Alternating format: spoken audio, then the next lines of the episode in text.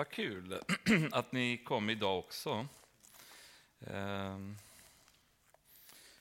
när vi pratade om vi skulle ha bibelstudier eller inte, jag sa till Patrik att eh, min inställning kring gudstjänster och sånt, det är att man har inte dem för de som inte är här, man har dem för de som vill vara här.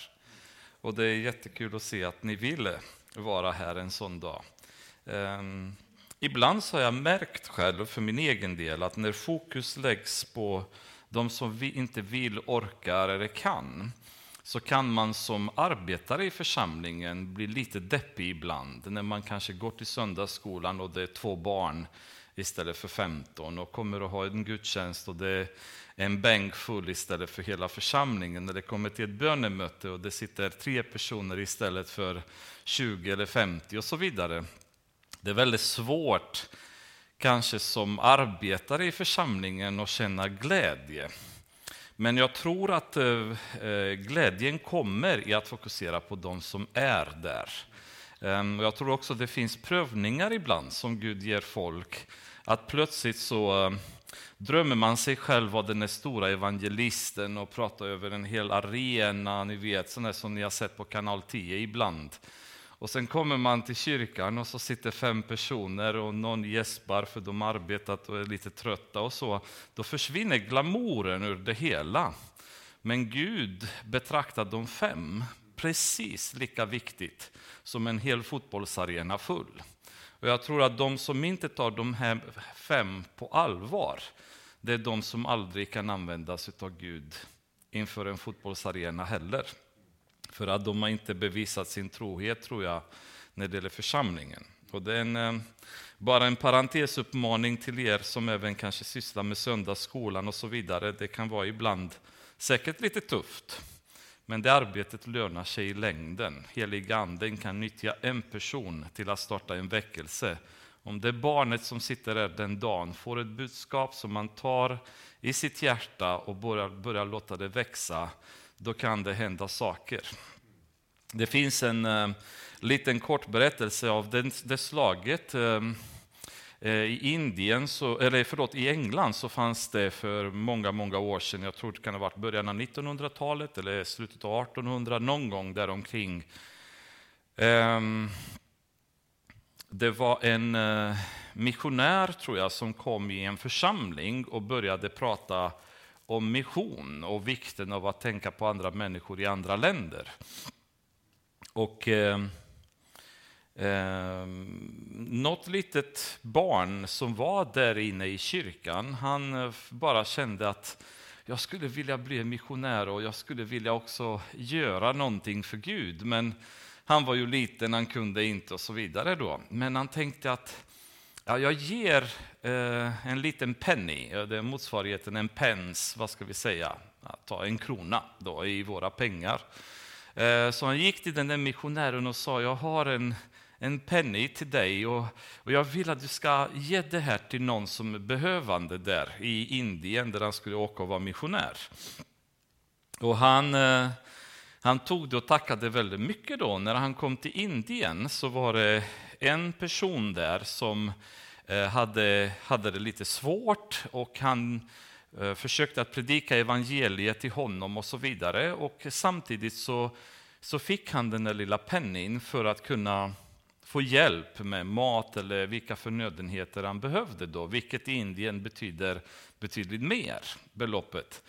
Ehm, och den personen sen, han, han tog den där lilla penningen och köpte det han, han behövde, men han var väldigt berörd utav evangelistens snällhet då. Så han sökte upp honom på nytt och började samtala. Han blev frälst tills, tills, äh, därefter och äh, blev väldigt, äh, som man säger på engelska, instrumental, alltså väldigt användbar i en stor väckelse som sen till viss del skedde i Indien genom honom. Och det var för mig i många år har det varit en så klassiskt exempel på att om heliga anden är där och välsignar är antalet fullständigt orelevant. Han kan göra saker med en person och med inga medel som vi kan försöka med massor av personer och hur många medel, mycket medel som helst så kommer vi ändå ingen vart om man inte är med och välsignar. Så tack ännu en gång att ni är här. Herre, vi vill bara be för den här kvällen. Jesus, när vi kommer gå i sista delen av din rustning. Heligande, jag ber att du ska lägga rätt ord på mina läppar.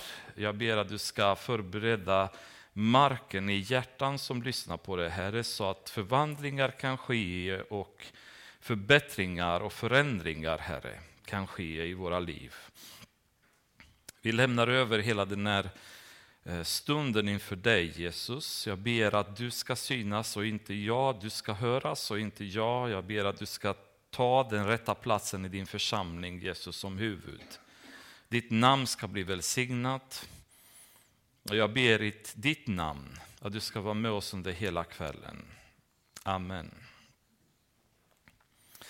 Då har vi kommit till sista delen av Efesierbrevet, ehm, eller ja, Guds rustning. Efesierbrevet kommer vi inte gå igenom slut idag, utan det kanske blir i februari. Det blir lite kvar av det. Men ehm, jag ska läsa återigen från början och så eh, ända till vers 17. Till sist, vers 10. Bli starka i Herren och i hans väldiga kraft. Ta på er hela Guds vapenrustning så att ni kan stå emot djävulens listiga angrepp, ty vi strider inte mot kött och blod, utan mot furstar och väldigheter och världshärskare här i mörkret, mot ondskans andemakter i himlarna. Ta därför på er hela Guds vapenrustning så att ni kan stå emot på den onda dagen och behålla fältet sedan ni fullgjort allt. Stå alltså fasta, spänn på er sanningen som bälte kring era höfter och kläd er i rättfärdighetens pansar och sätt som skor på era fötter den beredskap som fridens evangelium ger. Ta dessutom trons sköld, med den kan ni släcka den ondes alla brinnande pilar. Ta emot frälsningens hjälm och andens svärd som är Guds ord. Det här är också en av de mer lyckliga delarna i Bibeln då texten tolkas för oss av själva författaren. Eh, då slipper vi spekulera och undra vem, vem eh, andens svärd är eh, eftersom det förklaras direkt omgående att det handlar om Guds ord. Men då blir det lite grann en fundering i era sinnen nu kanske hur kan Andens svärd vara Guds ord om sanningens bälte var Guds ord? Eh, och det kan man ju fundera på. Eh, men en ganska intressant, eller ett ganska intressant, eh, en ganska intressant förklaring för det är det grekiska ordet som används här. Normalt sett när man pratar om Guds ord i Nya Testamentet så används ett grekiskt ord som, som heter logos. Och Det är ju ett ganska känt begrepp då, att prata om Guds logos, Guds ord, och det betyder helheten av Guds ord. Och Det är det vi, har, eh, det vi har pratat om när vi har pratat om sanningens bälte. Då. Men här används ett annat grekiskt ord för andens svärd som heter remma. Och remma är ett ord som egentligen skulle tolkas eh, som individuella ord Eh, eller påstående ur Guds ord. Så det, nu pratar vi inte om helheten av Guds ord, utan nu pratar vi om hur vi använder oss av delar av Guds ord i den andliga striden som vi går in i, rustade med Guds rustning.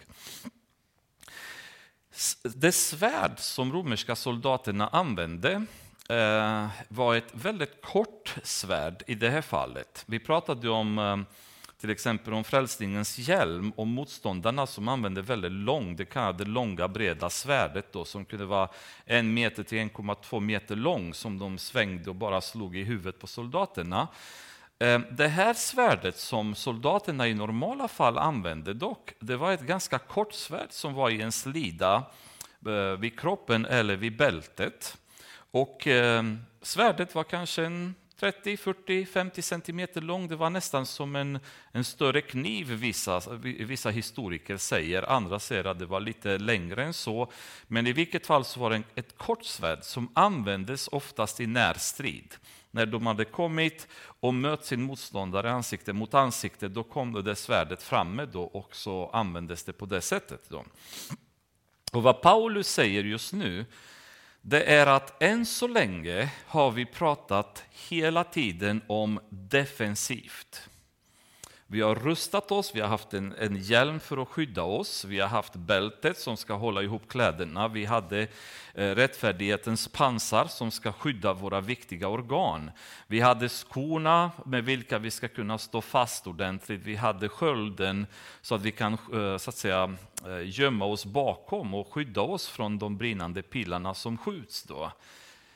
Men det Paulus säger nu, det är att nu går vi i en tvådelad eh, del av vår strid. Det, det, enda är att vi kan fortfarande arbeta defensivt. Vi använder fortfarande svärdet till att parera slag som fienden försöker att dela mot oss. Men med svärdet så tar vi nästa steg och det är att nu går vi till offensiven som kristna. Och därför är det väldigt intressant att han använder eh, Guds ord som svärdet. Guds ord som det vi ska använda när vi börjar vårt offensiv som kristna soldater. Ehm, innan vi går vidare så kan vi bara eh, titta lite grann på vad, vad Bibeln säger om sig själv. Då, bara så att vi har det som grund. Det intressanta är att Jesus själv 64 gånger citerar Gamla testamentet. Faktum är att han citerar så mycket utav Gamla testamentet så genom hans citat så validerar han alla gamla testamentaliska böckerna. Med andra ord, det finns inte en gammal testamentalisk bok som han inte har citerat ifrån eller inkluderat det i en citat. Till exempel, han pratar om så säger profeterna. Profeterna var alla i en bok samlade på den tiden. Så när Jesus refererade till profeterna, då refererar han till profeternas bok då, som alla profeterna var samlade i och så vidare. Men sen citerar han också individuellt från väldigt många böcker. Från eh, första Moseböckerna. Han citerar från Samuel, från psalmerna, från Jesaja, från Jeremia, från Daniel, från Hosea och så vidare och så vidare individuellt. Med andra ord, Jesus själv validerar och vidimerar värdet av Gamla testamentet som Guds ord. Och det är bra att ha i åtanke därför att det finns ju trender även bland kristna idag som säger att egentligen så behöver inte vi ta de här böckerna på, på fullaste allvar, utan de här böckerna är också lite grann mänskliga beskrivningar av andliga situationer. Det är inte nödvändigtvis Guds ord, utan det är människor som har skrivit ungefär vad de har själva tyckt om vissa situationer. Och det är faktiskt förvånansvärt många. Jag hade en god vän till mig som um, var kristen och till min förvåning tog upp just den här biten och säga att uh, ja, du vet, det, det, stämmer ju egentligen inte riktigt sådär att till punkt och pricka och texterna måste tolkas som hade en mänsklig tolkning av vad Gud kanske hade velat säga.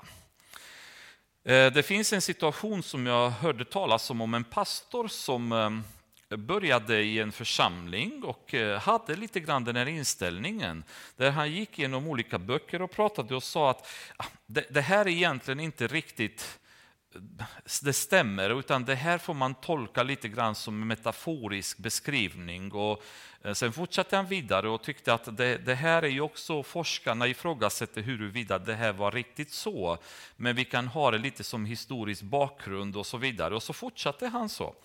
Och sen en gång så var det en eh, broder ur en församling då, som hade blivit väldigt sjuk och var, låg på sjukhuset, så pastorn åkte dit och skulle hälsa på honom. Och när han kom dit så sa han, broder, vill du att jag läser lite grann ur Guds ord för dig? Och, ja, men det får du jättegärna, säger han som ligger i sängen där.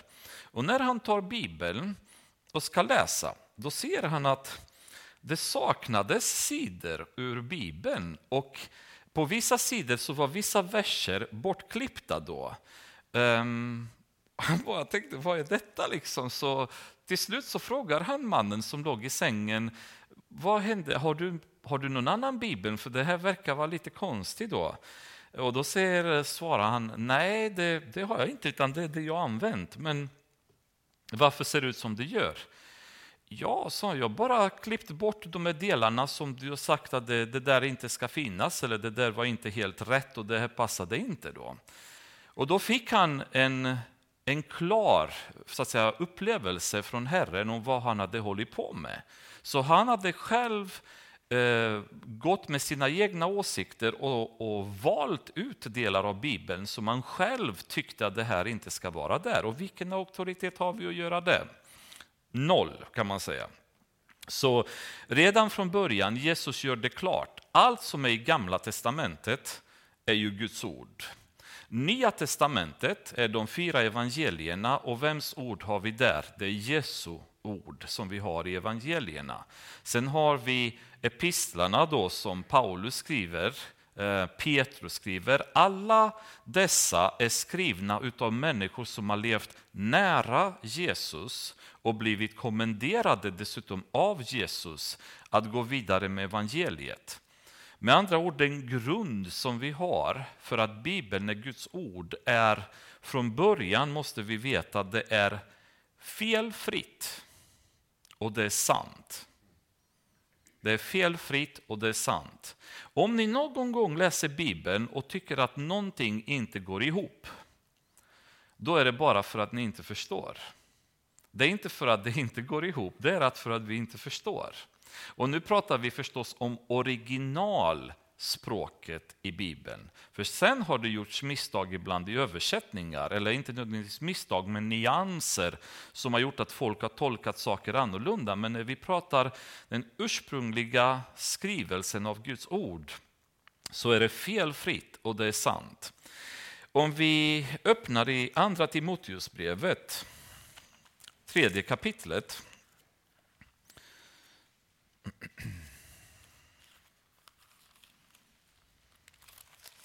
så kan vi läsa från vers 16.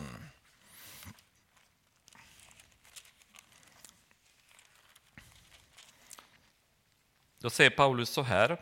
Hela skriften är utandad av Gud och nyttig till undervisning, till bestraffning, till upprättelse och till fostran i rättfärdighet för att Guds människan ska bli fullt färdig, välrustad för varje god gärning.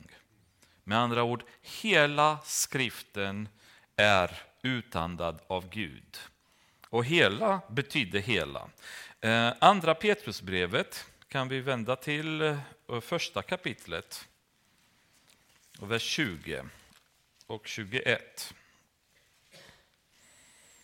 Framförallt ska ni veta att ingen profetia i skriften har kommit till genom egen utläggning. Ty ingen profetia har burits fram genom någon människas vilja, utan ledda av den helige Ande har människor talat vad de har fått från Gud. Och Jesaja 55.11 kan vi läsa ifrån också.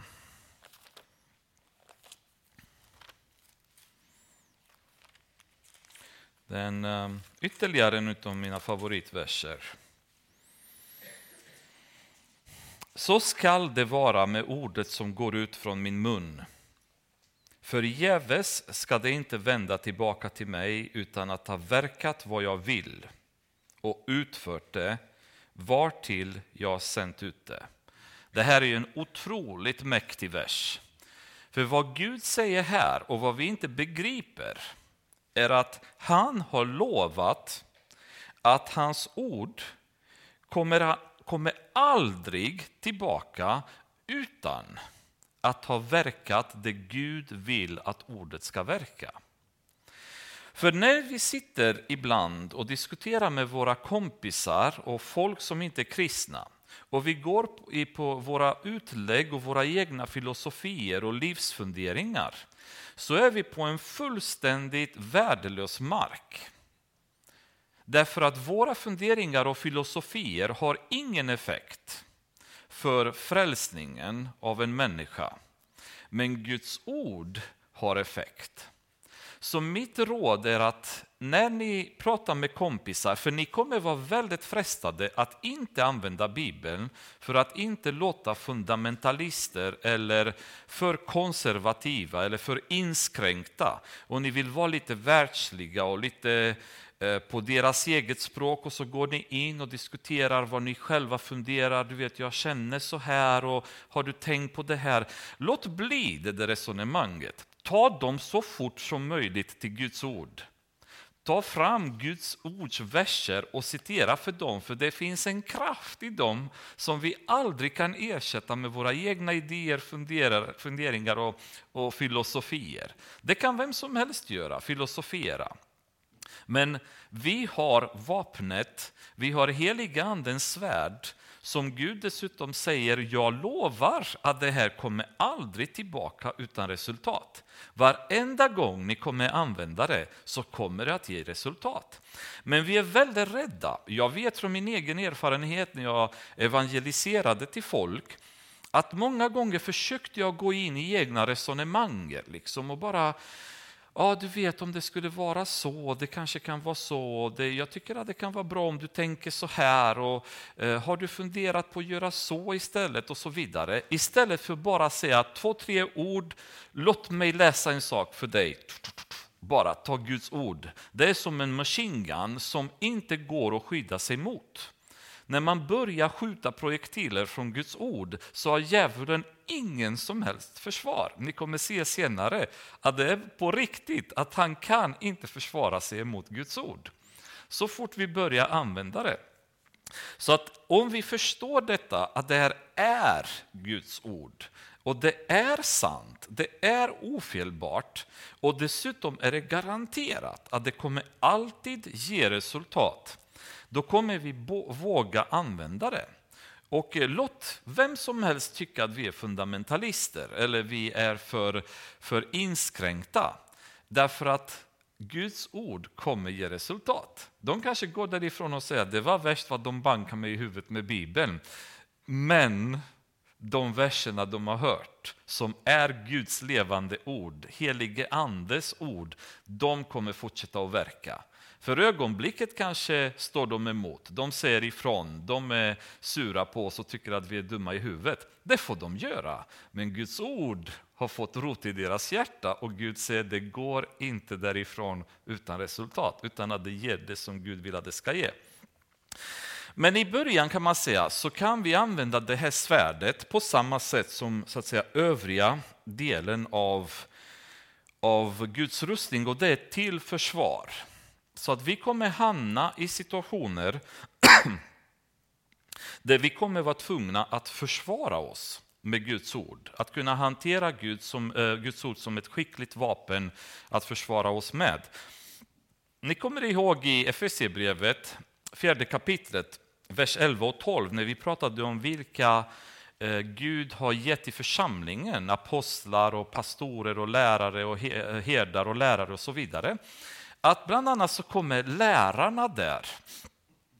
Och syftet med, dem, med dessa är för att utrusta de heliga för att utföra sin tjänst. Så Gud har lämnat personer i församlingen vars syfte är att utrusta de heliga.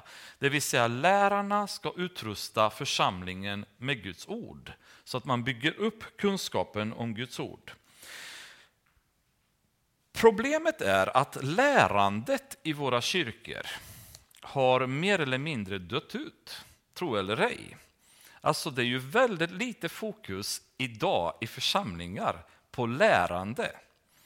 Ehm, tyvärr, det är ju väldigt mycket fokus på ehm, olika typer av fina gudstjänster, känslomässigt baserade, och de har sin vikt. För vi har ett hjärta och vi, far, vi har en hjärna. Båda två behöver vara aktiva i vår relation med Gud. Eh, jag älskar en gudstjänst där man sitter och man bara känner att det vibrerar i kroppen och, och man bara, oh, jag ser himlen sänka sig på jorden. Visst är det underbart? Eh, det är de här starka känslomässiga upplevelser man har, speciellt de som är på riktigt och inte de som jag lurar mig att tro att jag har och sen visar sig att det var tomt. Men de som är på riktigt, där heliganden verkligen kommer så att säga och börjar röra i församlingen. Vem vill inte vara med på en sån gudstjänst? Det är jättehärligt. Men de är inte ett komplement för att vi sen ska hårt arbeta med att fördjupa oss i Guds ord. Eh, både i församlingen tillsammans men också själva hemma. Därför att där så får vi kunskapen. Där börjar vi gräva på djupet. Och när det finns vissa pastorer som man kan kalla, eh, det finns en definition för dem som man kallar dem för de eviga ungdomspastorerna. Ni vet ungdomspastorer, det är väldigt svårt ibland med ungdomarna att bara få dem att sitta still och så bara mala med Bibeln. Utan ungdomarna vill ha lite underhållning. De vill spela lite brännboll ibland och de vill spela lite spel och de vill ha lite häftig musik och så vidare. Och det är helt okej. Okay. Det tillhör generationen och åldern då. Men vissa pastorer fortsätter med det beteendet för evigt, där de styr sina möten i församlingar med samma typ av anda, att vi måste på något sätt underhålla folk i församlingen så de tycker det är roligt att komma dit. Och att det, liksom, eh, det är inte för jobbigt, det är inte för tråkigt, att de inte orkar med och, och, och så vidare. Ehm, och då är det väldigt mycket fokus på olika typer av underhållning. Det ska vara häftig musik och det ska vara häftiga inslag i församlingen. Och, eh, nu har vi inte ledsnat på att bara lyssna på ett lovsångsteam. Nu vill vi ha dans, nu river vi bort eh, scenen för att folk ska dansa, sen ska det eh, göras andra saker och så vidare. Och folk kommer varje söndag till kyrkan och det finns en slags förväntan, jag undrar vad det skulle bli idag, om det blir någon eh, liksom, ny konsert eller nytt häftig, ny häftig sak och så vidare.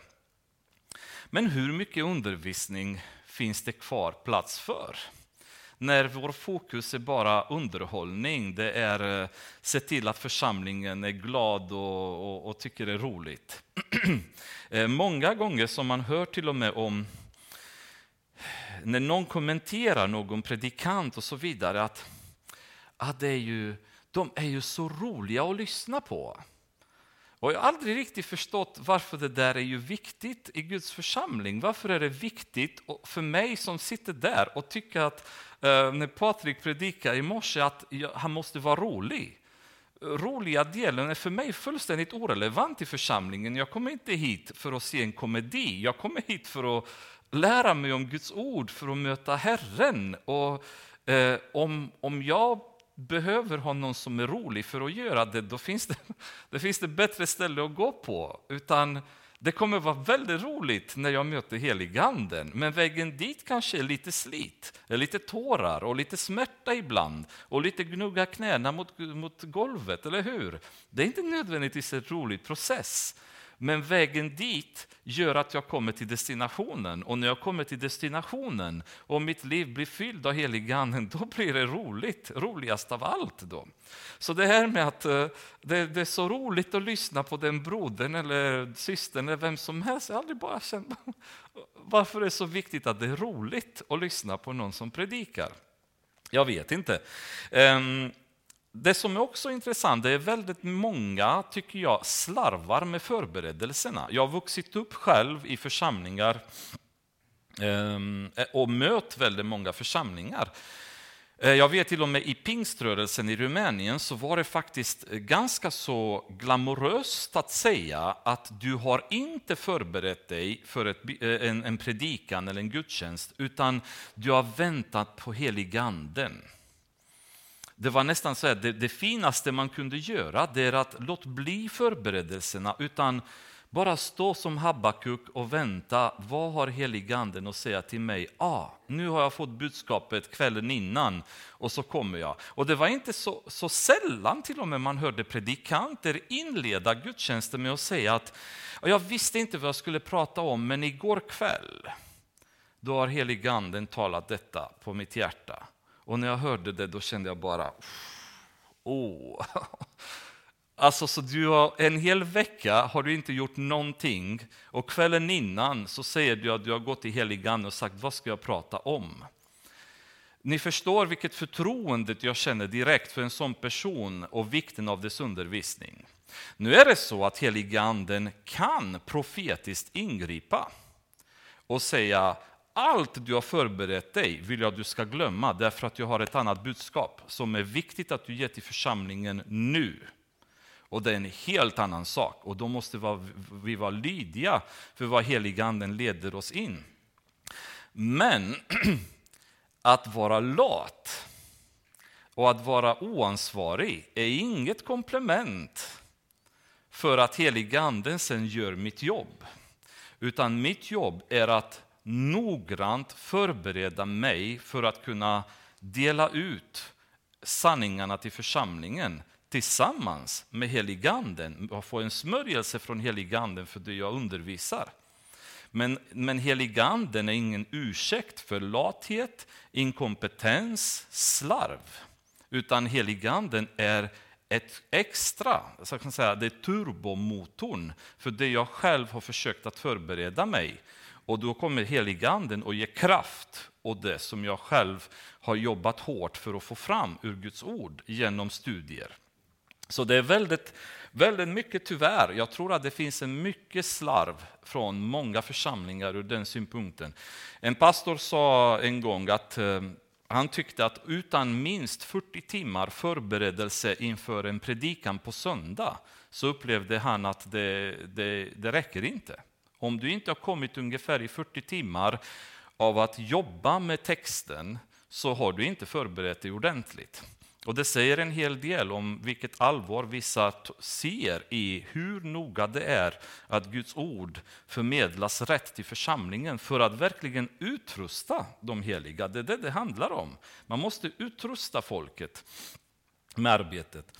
Ehm, det gemensamma med de här som eh, är anhängare av, av inte för mycket förberedelser, om ni har sett det någon gång eller tänkt. Det första det är att de skämtar väldigt mycket från predikostolen. Det är väldigt mycket skämt och väldigt mycket stories, berättelser.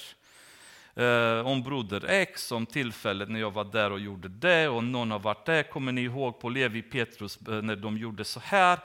Och så pratar de hela tiden goda saker, inget fel i det.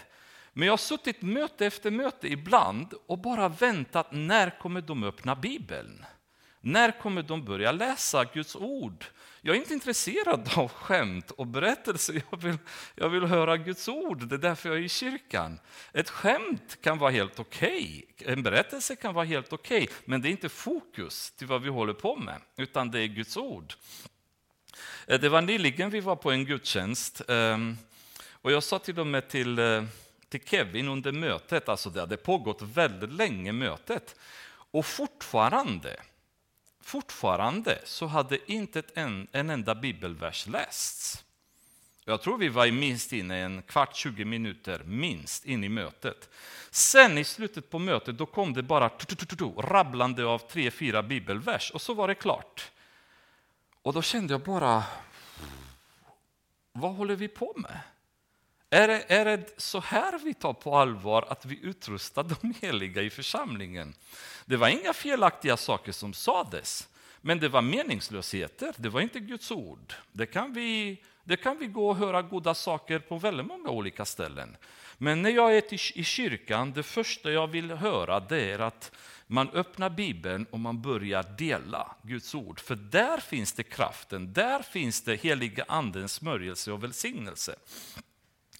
Ehm, och det är ju det är ju tyvärr det vi märker. Det är skämt, det är berättelser, de läser inte Bibeln. Och även här i vår församling var jag med en gång när det var en gästpredikant som under hela talet inte ens öppnade Bibeln. Och jag satt i bänken och jag tänkte, när tänker han öppna Bibeln? Återigen, det är berättelser, det är intressanta saker, men var är Guds ord? Vi är i en församling där vi är här för att lära oss Guds ord. Vi får aldrig nog av det. Vi kan aldrig bemästra det till fullo. Ehm, och ingenting, Bibeln öppnades inte. Och det är jättetråkigt, för att hur kan vi utrusta de heliga om Guds ord ignoreras? Det viktigaste, den viktigaste kanalen Gud, Gud använder sig av för att tala till oss ignoreras till fullo? Hur kan församlingarna växa? Hur kan de heliga bli utrustade? För om jag har det här svärdet med mig, men jag inte är en skicklig stridsman, det kommer inte göra någon nytta för mig. Jag kan inte använda det. Jag måste bli skicklig till att använda det här svärdet i strid för att försvara mig eller för att hugga min fiende med. Om jag bara har ett svärd men det blir aldrig använt, det kommer inte till nytta. Det gemensamma kan man säga, eh, och, och, och håll koll framöver. Eh, och förhoppningsvis så kommer vi aldrig behöva se sånt i vår församling. Men det gemensamma, ni kommer flänga runt på andra ställen, ha det här i åtanke. För de här som inte förbereder sig, det är ett, de läser en text i bästa fall, det vill säga de som faktiskt öppnar Bibeln, kommer läsa texten. Två, de kommer glida från texten. Och tre, så kommer de aldrig tillbaka till texten. Det här är så här, tre, tre regler. De läser en text, de börjar prata om allt möjligt som inte har med texten att göra. Och sen fortsätter de bara och pratar och pratar och aldrig, man sitter och väntar och säger, varför har han läst den här texten? När kommer, när kommer de börja avhandla det som faktiskt står i texten? Men det gör de aldrig, utan texten är någon slags tradition. Ni vet, ibland så läser vi en sån här text när vi börjar mötet. Och så bara någon kommer fram och läser lite som en inspirationstext i början på mötet och så, så är det inte mer med det, utan det är bara lite grann något gött som vi läser då. De gör detsamma, det är bara att de ska sen prata om texten, men de pratar aldrig om det längre. Så man märker det gång på gång på gång. Läser texten, glider ifrån texten, kommer aldrig tillbaks till texten. Och det tycker jag inte är okej, okay, om jag ska vara ärlig. Jag tycker den, eh, när man läser i Bibeln så märker man att det ställs ganska hårda krav på de som medverkar i församlingar. Både lärarna och herdarna och så vidare. De har ett extra stort ansvar från Gud att se till att göra sitt jobb ordentligt. Så jag tror tyvärr att många kommer eh, kanske höra lite andra ord från Gud än vad de har räknat med då, när den dagen kommer. Eftersom man har eh, helt enkelt inte tagit församlingen på allvar. För vi glömmer ibland att eh, om vi läser i Gamla Testamentet, då ser vi att Gud pratar om Israel hela tiden som sin, sin fru. I hela Jeremia, jag har börjat fördjupa mig lite i Jeremia nu och, och, i hela Jeremia så är det gång på gång på gång så säger Gud om Israel att det är som hans fru som har blivit otrogen med andra. Och inte, inte för inte, det är inte bara en tillfällighet att Jesus i sin tur kallar församlingen sin brud. Alltså så, så tajt, så kärleksfull, så noga är relationen mellan Gud och församlingen. Och det är därför Gud tar det på sånt allvar när någon ger sig på församlingen eller missbrukar församlingen. Därför att det är hans brud, det är Kristi brud man pratar om. Så det måste finnas ett allvar när man närmar sig församlingen på det sättet. Då. Så det är ingenting som man ska eh, försöka att eh, så att säga, vara slarvig kring, utan man måste vara noga. Ehm, personligen så är jag väldigt, väldigt stor anhängare av en så att säga, noggrann eh, så att säga, bibelstudium, om man kan kalla det så där vi eliminerar ingenting. Ni har märkt att när vi har gått igenom Daniel har vi gått vers för vers. När vi har gått igenom Efesierbrevet har vi gått vers för vers. Därför att det är så mycket i var, vartenda, varenda del av Bibeln. Och vi kan inte bara hoppa runt, utan vi måste vara noga och gå igenom de här delarna och se vad är det som Gud vill tala om för oss. Om ni tänker bara Efesierbrevet som är närmast oss, vad många teman som vi har gått igenom i det här brevet. Vi har gått igenom äktenskap, vi har gått igenom olika typer av synder, vi har gått igenom predestination, vi har gått igenom frälsning och hela frälsningsprocessen. Eh, allt ifrån före världens begynnelse till att det är genom tro och inga gärningar och så vidare. Vi har gått igenom församlingens funktioner, vi har gått igenom barn och föräldrarrelation, Guds rustning etc. Vad hade vi gjort om vi inte hade gjort det? Om vi bara hade eh, tagit små delar av det som hade passat mig eller oss som församling och inte ta de delarna som är faktiskt jobbigare ibland att gå igenom men som är lämnade där för oss att kunna lära oss ifrån. Så jag tror att det är väldigt viktigt att, att vi använder Guds ord på allvar, det vill säga att vi verkligen rustar oss så att vi i varje situation vi hamnar kan vi använda Guds ord som rema, det vill säga vi kan plocka fram de rätta delarna för att kunna strida. För om jag går och ska evangelisera en kompis, då är det ingen idé att jag går till krönikeboken och börjar läsa genealogierna, eller hur? Utan då läser jag Johannesbrevet 3.16 eller andra verser som är lämpade för tillfället. Och därför Guds ord är så komplex. Därför att det finns delar som jag kan alltid gå till att använda i varenda situation som jag befinner mig i. Andra Timoteusbrevet, om vi går tillbaka där, um, och det är ju andra kapitlet igen, vers 15. Paulus säger så här till Timoteus. Gör allt du kan för att bestå provet inför Gud, likt en arbetare som inte behöver skämmas, utan, och här är ju väldigt viktigt, rätt delar sanningens ord.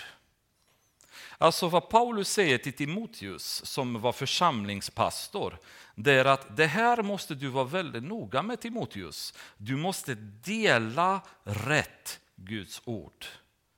Väldigt viktigt, dela det rätt. Se till att du predikar Guds ord på rätt sätt så att det blir korrekt för församlingen och användbart. Så jag tror väldigt starkt på att när vi närmar oss Guds ord så är det väldigt bra att vi gör det vers för vers från första Moseboken till sista Uppenbarelseboken. Jag tycker att det är väldigt viktigt. Det kommer ta tid och det är ju väldigt, eh, väldigt omfattande. Men har man gjort det en gång, då är man rustad. Då har man lärt sig massor. Jag vet församlingar som har haft det här systemet och har det som har hänt det är att människorna har vuxit så, så mycket andligt under tiden, så väldigt många av dem har sen gått vidare och startat egna församlingar. Därför att de har varit så sprängda av kunskap och, och heliganden har börjat verka så mycket i dem. Så de har inte kunnat bara sitta kvar i bänkarna och ta emot, utan till slut så har de kommit till den nivån där de har klättrat från, från, från lärjungaskap, där de tar hand om sig själva, till att bli arbetare för Gud. Och det är det som är matandet. Alltså först kommer vi andliga bebisar, vi sitter och suger på tutten hela tiden då. Men sen kommer lärjungaskapen där vi börjar kunna mata oss själva och vi klarar oss själva. Men det räcker inte att vi bara sitter där, utan sen kommer nästa steg då den kunskapen vi börjar samla på oss ska användas nu. Nu ska vi ut. Nu ska vi själva börja verka för Gud. Nu ska vi själva börja gå ut och evangelisera, få igång Guds ord bland folket. Och det blir naturligt när folk blir fullproppade med Guds ord, att de bara känner att jag måste, liksom, för att nu har jag så mycket i mig som jag måste dela med mig. Det räcker inte att jag bara sitter i bänkarna längre. Då. Så det är väldigt bra. Um, när man bara gör ämnesstudier, det är också en sån där grej som man gör i församlingar ibland, man pratar bara om vissa ämnen. Och det är ju ganska viktigt ibland när man gör ämnesstudier, prata om treenigheten till exempel, pratar om heliganden, pratar om äktenskap, pratar om församlingstillväxt och så vidare. Men problemet är att djävulen blir väldigt skicklig på att anfalla oss i de områden som vi inte känner till ordentligt. För när djävulen anfaller mig, då kommer han inte till mig och säger George, vill du synda? Nej, det vill jag inte för jag är kristen, svarar jag. Utan han kommer att komma till mig och säga jag vill att du ska bli riktigt arg på den här personen, för kolla hur de beter sig gentemot dig. Alltså det är konkreta attacker. Tänk på det, djävulen anfaller inte generellt. Djävulen anfaller konkret. Han går på direkt och slår på vissa områden. nu har du faktiskt rätt att bli ilsk, för så här beteende ska du inte tolerera, eller hur? Och kan inte jag bemästra de delar av Bibeln som pratar emot ilska, bland annat, då har jag plötsligt lyssnat och tyckt ja, men jag har faktiskt rätt att den här gången ska jag faktiskt bli arg på den här personen. Eller hur? Så det är ju väldigt, väldigt konkret han anfaller oss. Och om vi bara pratar om Eh, ämnesstudier, vi pratar om heliganden, vilket är fantastiskt. Vi pratar om eh, predestination till exempel, och så vidare. Det är jättebra, men vi måste komma i alla delarna av Guds ord så att vi kan komma och hantera det här svärdet skickligt i varenda strid som vi hamnar i. Vare sig vi hamnar i problem när det gäller ilska, Eh, skvaller till exempel, dömande, att inte ge tionde, att inte till exempel betala skatt etc. Alltså det är så mycket i Guds ord som inte bara handlar om stora teman utan det är små saker, dagligt leverne som vi själva ska hantera som kristna. Det är jättebra om vi blir skickliga på att hantera svärdet i de här situationerna så att vi kan ta rätt beslut. um, när ordet kommer också i hjärtat i sin helhet framför allt, så gör det förändringar. I ehm, Hebreerbrevet kommer vi till en vers som vi har läst tidigare, men vi kan inte, kan inte prata om Guds ord utan att läsa det igen. Det står så här i vers 12, kapitel 4. Till Guds ord är levande, alltså det är levande och verksam. Det är skarpare än något tveeggat svärd. Det är intressant att det används dessutom ordet svärd här i versen. Då. Men Guds ord är skarpare än ett tvåeggat svärd. Så Guds ord kommer ge alltid effekt. Ehm, och vi kan eh, diskutera väldigt mycket kring detta, men jag skulle vilja att vi går till Matteus, fjärde kapitlet, därför att där har vi mästerverket i hantering av heligandens svärd som Jesus står för själv. Och det är kapitel 4.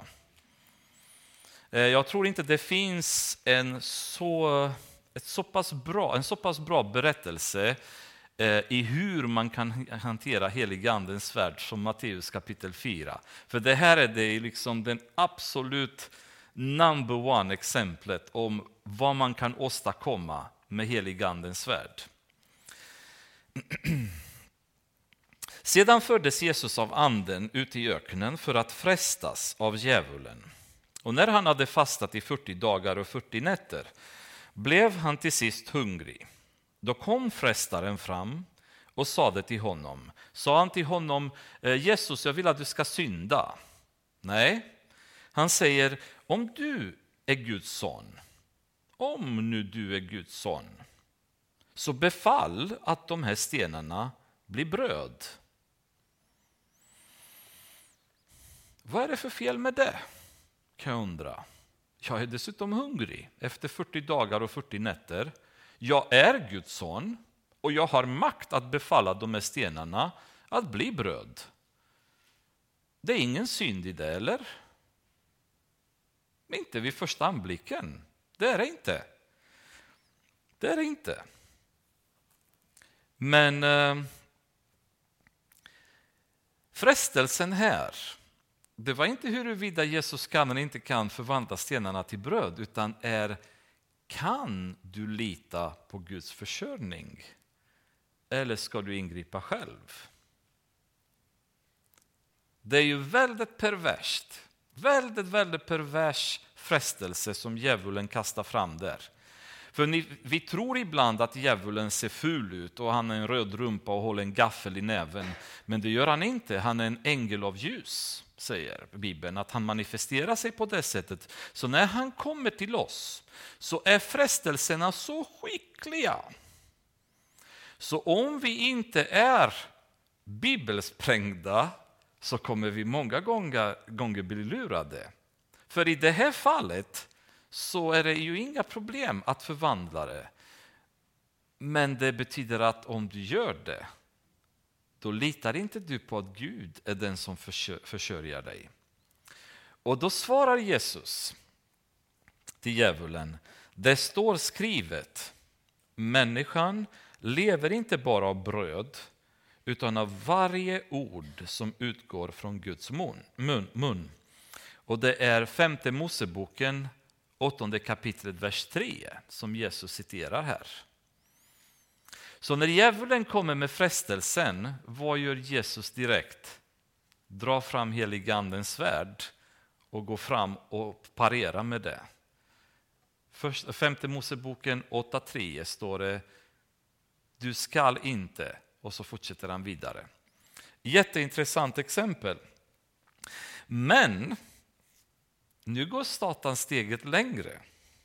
Sedan tog djävulen honom till den heliga staden och ställde honom på temple, tempelmurens utsprång och sade Om du är Guds son, så kasta dig ner.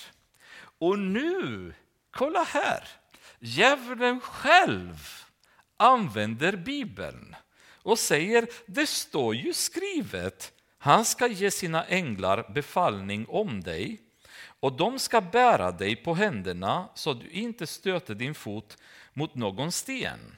Så vad djävulen ger här är att han citerar psalm 91, vers 11 och 12. Alltså, förstår ni vilken motståndare vi har? Han, han kan Bibeln väldigt bra. Och han kan citera Bibeln väldigt bra.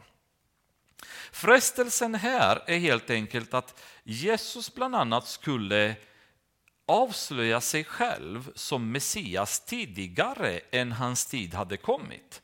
Ännu var han inte färdig att bli avslöjad. Han gick igenom prövningarna nu. Och djävulen vill trycka fram och förstöra Guds planering som var så noga. Kommer ni ihåg Daniel profetierna när exakta dagen när Jesus skulle komma in i Jerusalem var profeterad av Daniel. Så djävulen är där och försöker att förstöra hela den här planen. Men Jesus svarar eh, igen och säger till honom, det står också skrivet, du skall inte fresta Herren, din Gud. Så han svarar direkt med femte Moseboken, Eh, sjätte kapitlet, vers 16.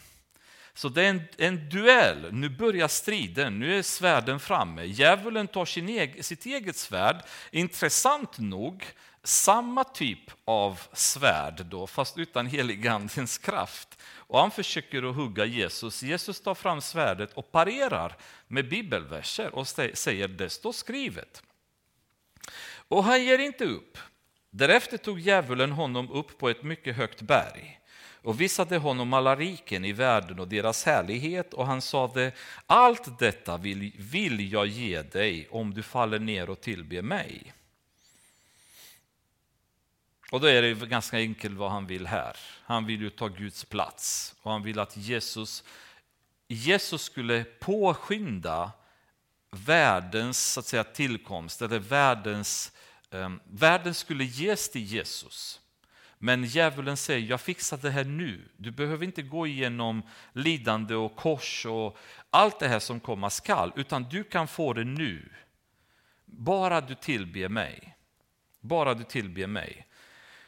Och då svarar Jesus, gå bort Satan, ty det står skriven, Herren din Gud ska du tillbe och endast honom ska du känna.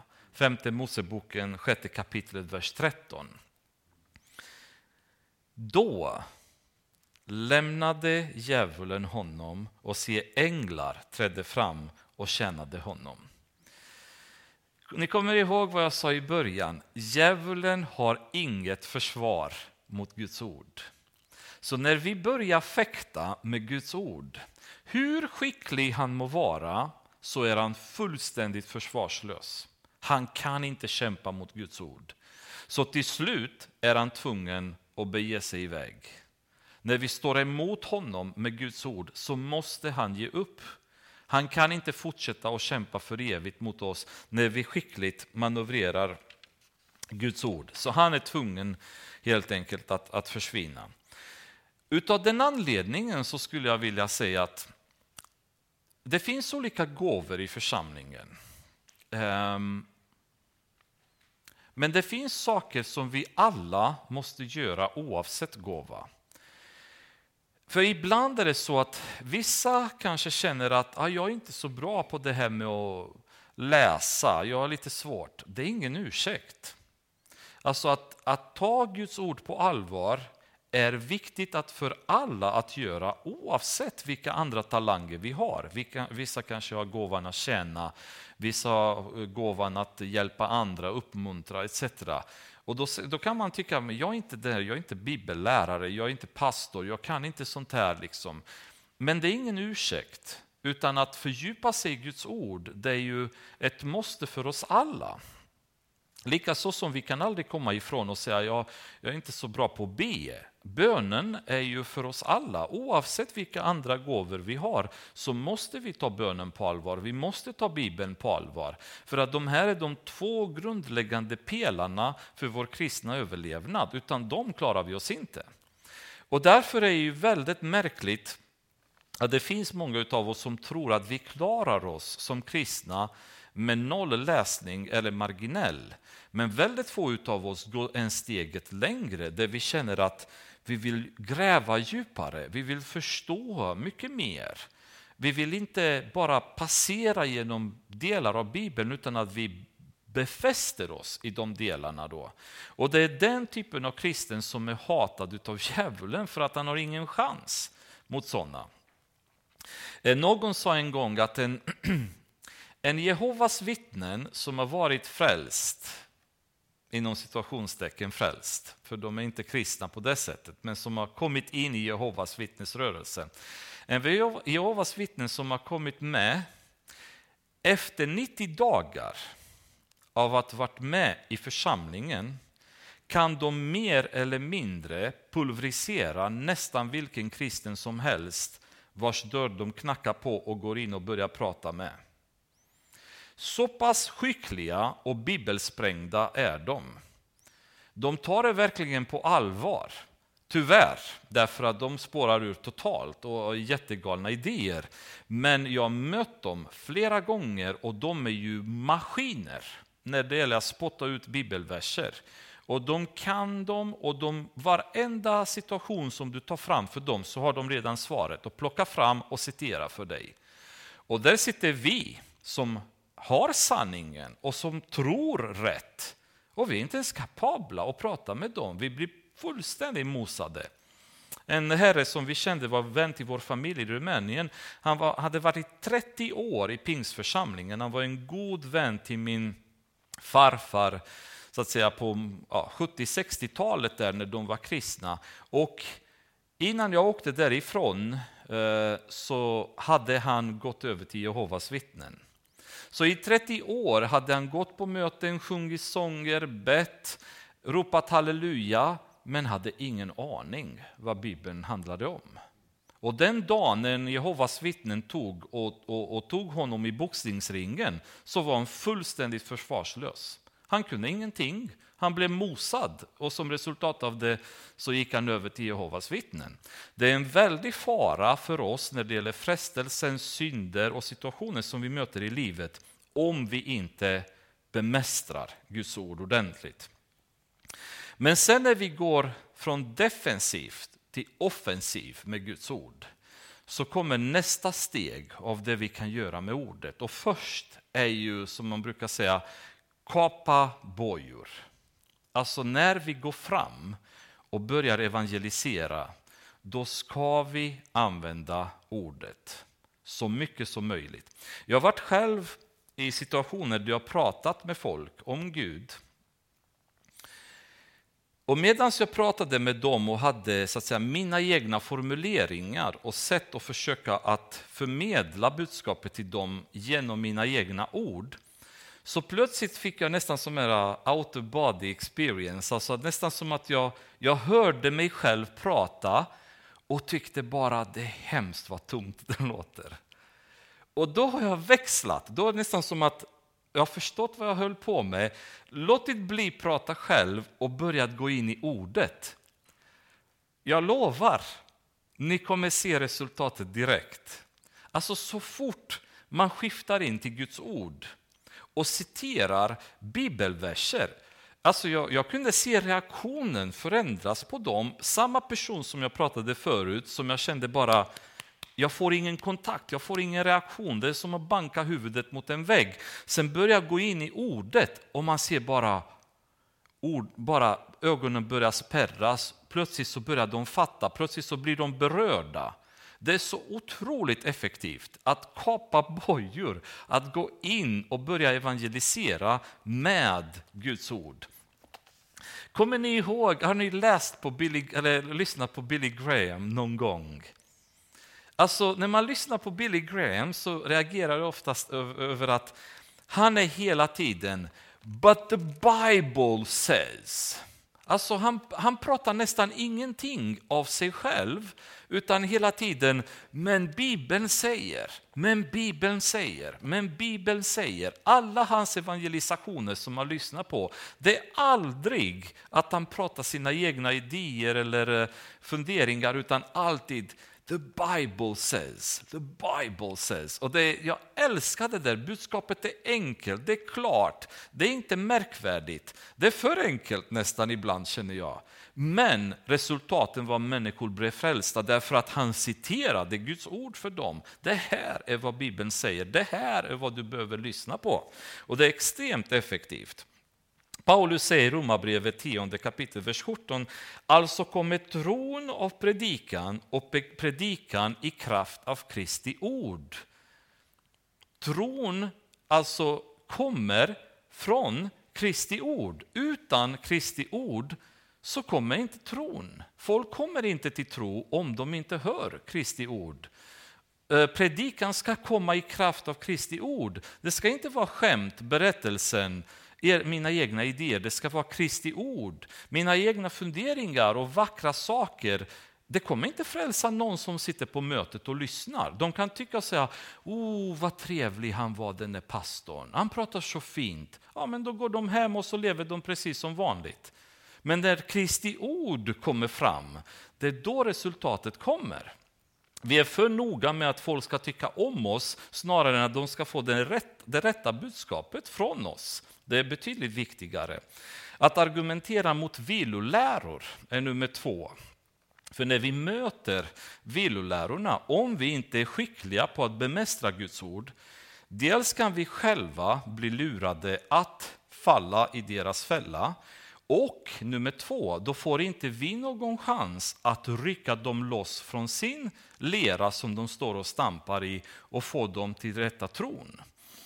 Och Det gäller till exempel när vi möter Jehovas vittnen, mormoner, muslimer etc. Det möter vi många gånger människor som har en stark tro och kämpar hårt för sina idéer. Så om vi inte själva är skickliga på att manövrera Guds ord och slåss med det, så kan inte vi strida offensivt mot djävulens angrepp och det faktum att han håller dem så fast. Och likväl när villolärorna kryper in i församlingen, och där är ju ett stort problem eftersom det är så okunskap av Bibeln i kyrkorna så är kyrkorna ständigt turbulenta kring olika trender, olika idéer. Därför att folk är så okapabla många gånger att snabbt identifiera att det här är skräp, det här ska bort ur vår församling. Utan vi diskuterar, vi ältar, vi funderar. Kan det ändå vara så? Kan det ändå funka så? Jag har sett att den kyrkan har gjort så och så och så. Titta vad många fler har kommit på deras möten. Det måste vara bra och så vidare. Istället för att säga, nej men vänta lite, vad säger ordet? Vad säger Bibeln om detta? Är det okej, okay, tror vi? Och det är permanent. Om ni tittar på speciellt den så kallade neoprotestantiska rörelsen, eller evangelikala församlingarna, pingsvänner, baptister, till viss del alla de här nya, Hillsong, eh, Word of Faith och så vidare, Livets Ord i Sverige och så. De här församlingarna, det känns som att varje år så händer det saker där i. Det är nya trender, det är nya sätt av, av arbeta, saker som det bubblar hela tiden. Och ibland så spårar de ur med jämna mellanrum i konstigheter. Då. Ibland är det tvärtom, ibland så leder det till en väckelse när de, de gör saker rätt. Då. Men det är många gånger det sliter väldigt mycket i församlingar därför att folk har inte koll på vad är det som kommer in. Är det här okej? Okay? Kan vi acceptera det i vår kyrka eller inte? Och sen som eh, en tredje del då så ska jag säga att det är ju lärandet i kyrkan. Ehm, det, det, hände, det hände i situationer så att säga, när man har haft ett bibelstudium eller en predika, när någon från församlingen kan komma och bara berätta rakt av vad det har betytt för dem och hur det har hjälpt dem att komma ur en, en svår situation.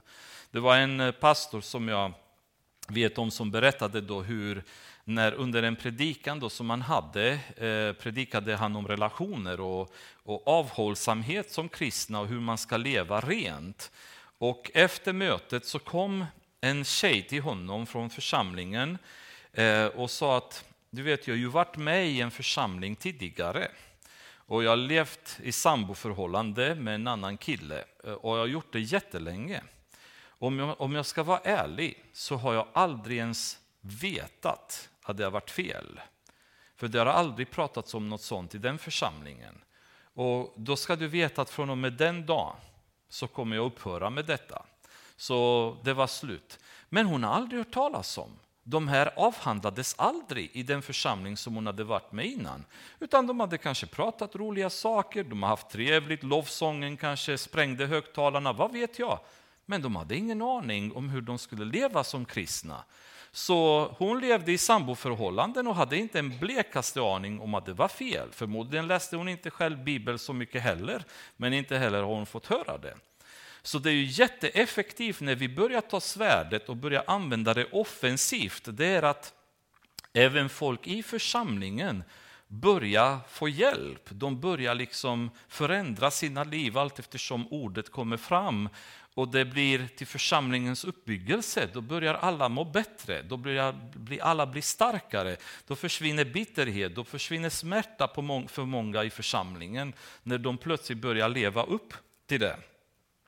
Eh, Jesus själv säger i Johannesbrevet 8 kapitel, vers 32. Och ni ska förstå sanningen och sanningen ska göra er fria. Ni kommer ihåg sanningens bälte. Ni ska förstå det här och sanningen kommer göra er fria. Det är fördelen med Guds ord. Ehm, och det är ju hela tiden så måste vi förstå, för det är ju det, ibland så, så tror vi att vi själva har idéer och vi säger saker hit och dit. Men Paulus säger Guds ord är andens svärd. Det är inte vårt svärd, det är andens svärd som vi har fått att använda oss av. Och i Johannesbrevet 14 kapitlet, eh, vers 26, då står det så här. Men hjälparen, den helige anden som Fadern ska sända i mitt namn, han ska lära er allt och påminna er om allt vad jag har sagt er. Hjälparen kommer att lära oss allt. Hjälparen är den som kommer påminna oss om allt som Jesus har sagt till oss. Det är ju helige andens svärd. Det är helige anden som använder det i våra händer för att kunna avancera Guds rike. Och avslutningsvis så skulle jag bara citera en, ett exempel som jag hörde som jag tyckte var riktigt, riktigt bra. Det var en, en herre som ehm, eh, satt, så att säga, hade någon slags trädgård utanför där han bodde. Och så plötsligt så såg han hur en fjäril kom till blommorna. Och fjärilen studsade väldigt, väldigt snabbt. Från blomma till blomman då, sög lite nektar och sen hoppade till nästa blomman och sög lite, lite nektar. Och samtidigt så var det i trädgården en botaniker och botanikern stod jättelänge med förstoringsglas och analyserade blommorna och tog massa anteckningar. Och han höll på hur länge som helst där och till slut så packade han sin bok, la under armen och sen drog därifrån. Men sen som tredje eh, detalj, då såg han en, ett bi som flög omkring i trädgården, men till skillnad från fjärilen så dök bit in i blomman var där ganska länge och kom upp så genomfull med nektar så den knappt kunde flyga iväg därifrån där det var nektar över hela bit då, och, och drog iväg med det. Och han tänkte direkt på det här är helt fantastiskt. Det är, det är så bildligt språk om hur många utav oss behandlar Guds ord. Ibland så hoppar vi lite runt och plockar vi lite små delar av Guds ord och ungefär så nöjer vi oss med det. Vi bygger vårt kristna liv kring det. Men sen är det ju sådana som kan sitta och analysera och fördjupa sig i Guds ord in i minsta detalj. Varenda, vartenda grekiskt och hebreiskt ord och varenda kommatecken analysera dem. Men de sätter aldrig det i praktiken. De har kunskapen, det sitter där, men det gör ingen nytta. Utan de bara fortsätter och fortsätter och studerar och studerar utan att praktisera. Men kanske är det så att vi ska tänka på bit då, att vi ska, vi ska gå in i Guds ord, vi ska fördjupa oss i blomman, vi ska ligga där länge och njuta av det, men ta så mycket nektar vi bara kan. Så att vi, vi bär med oss Guds ordet. Och det är ju ibland mitt önskemål även för mitt eget liv att man skulle praktisera mer utav det man kan. Och eh, det betyder inte att jag inte ska lära mig mer och fördjupa mig ännu mer.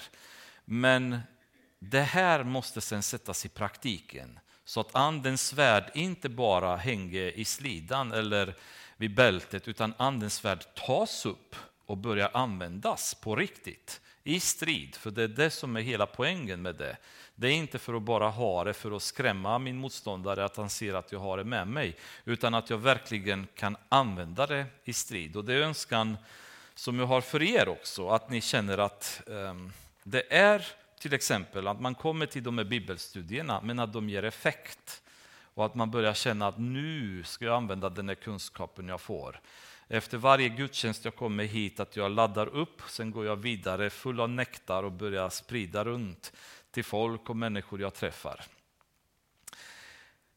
Och I och med detta så var vi klara med rustningen. Vi var inte klara med Fessiebrevet, men resten plockar vi senare i februari. Då. Herre, vi tackar dig för att du har varit med oss hela den här vägen. En lång väg, Herre, där eh, vi har tittat på viktiga detaljer av vårt liv. Fader, jag ber i avslutningen verkligen de här sakerna vi har lärt oss ska komma till användning i mitt liv och i de liv hos de som har lyssnat på dem. Och låt det växa, låt det ge frukt, Herre Jesus. Jag ber att alla de här tillfällena ska vara stunder för vår församling där vi närmar oss dig, Herre, där vi förbereder oss för din ankomst. Att vi är fullt utrustade, Jesus, när du kommer, så att inte vi står nakna inför dig när du kommer, utan när du kommer, Herre, att du hittar stridsmän, Herre, som är fullt rustade, fullt upptagna i ett pågående aggressivt krig, Herre. Jag ber att du ska hjälpa oss att verkligen vakna upp till verkligheten av det krig vi lever i, Herre. Påminna oss det. Och låt oss få bara dagligen tänka på att rusta upp oss och kunna iklä oss hela din rustning, Herre Jesus så att vi kan stå emot djävulens angrepp. Jag ber om välsignelse för alla, Herre, som har kämpat hårt alla de här söndagskvällarna, Herre, som har lämnat familj, som har lämnat andra intressen, utan kommit hit, Herre, för att ta del av ditt ord. Herre, välsigna dem eh, på bästa möjliga sätt som du vet, Herre. I Jesu namn ber vi, Fader. Amen.